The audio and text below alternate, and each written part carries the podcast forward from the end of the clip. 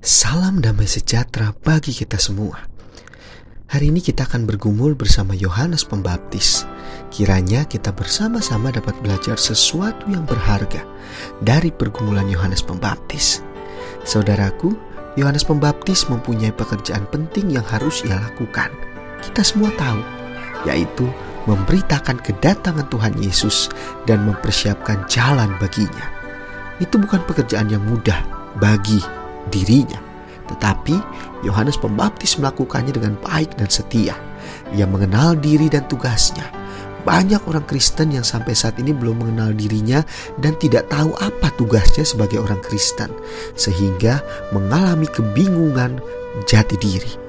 Sangat berbeda dengan Yohanes Pembaptis yang sadar siapa dirinya dan tahu apa tugas panggilannya. Ia mengenal Tuhan yang dilayaninya. Ia tidak hanya mengenal siapa dirinya, tetapi juga mengenal siapa Tuhan yang dilayaninya. Pengenalan akan Tuhan membuatnya senantiasa meninggikan Tuhan, membuatnya menjadi rendah hati dan senantiasa mengarahkan perhatian umat hanya kepada Tuhan. Ia mengenal isi berita yang harus ia sampaikan dan ia tahu cara memberitakannya. Yohanes Pembaptis mengenal isi berita dan ia tahu isinya yaitu tentang Yesus Kristus yang akan datang untuk menyelamatkan dunia. Ia pun tahu bagaimana cara yang terbaik untuk memberitakannya. Yang pertama, ia mewujud nyatakan beritanya di dalam kehidupannya sehingga orang bisa melihat dari dirinya. Yang kedua, ia menyampaikan berita dari firman Tuhan dalam cara yang tegas dan relevan firman Allah disampaikan dengan cara yang menyentuh hati dan menjawab kebutuhan dalam sanubari para pendengarnya pada saat itu. Pelayanan Yohanes Pembaptis sangat berhasil.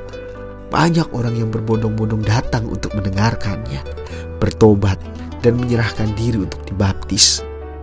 Saudaraku, marilah kita saat ini bersama-sama belajar dari Yohanes Pembaptis yang mengenal diri dan tugas kita ya bahwa kita adalah anak Tuhan, mengenal Tuhan yang kita layani, selalu belajar dekat dengannya, serta mengenal isi beritanya dan tahu cara memberitakannya dengan baik, yaitu dengan siap dibentuk dan siap dipakai oleh Tuhan senantiasa.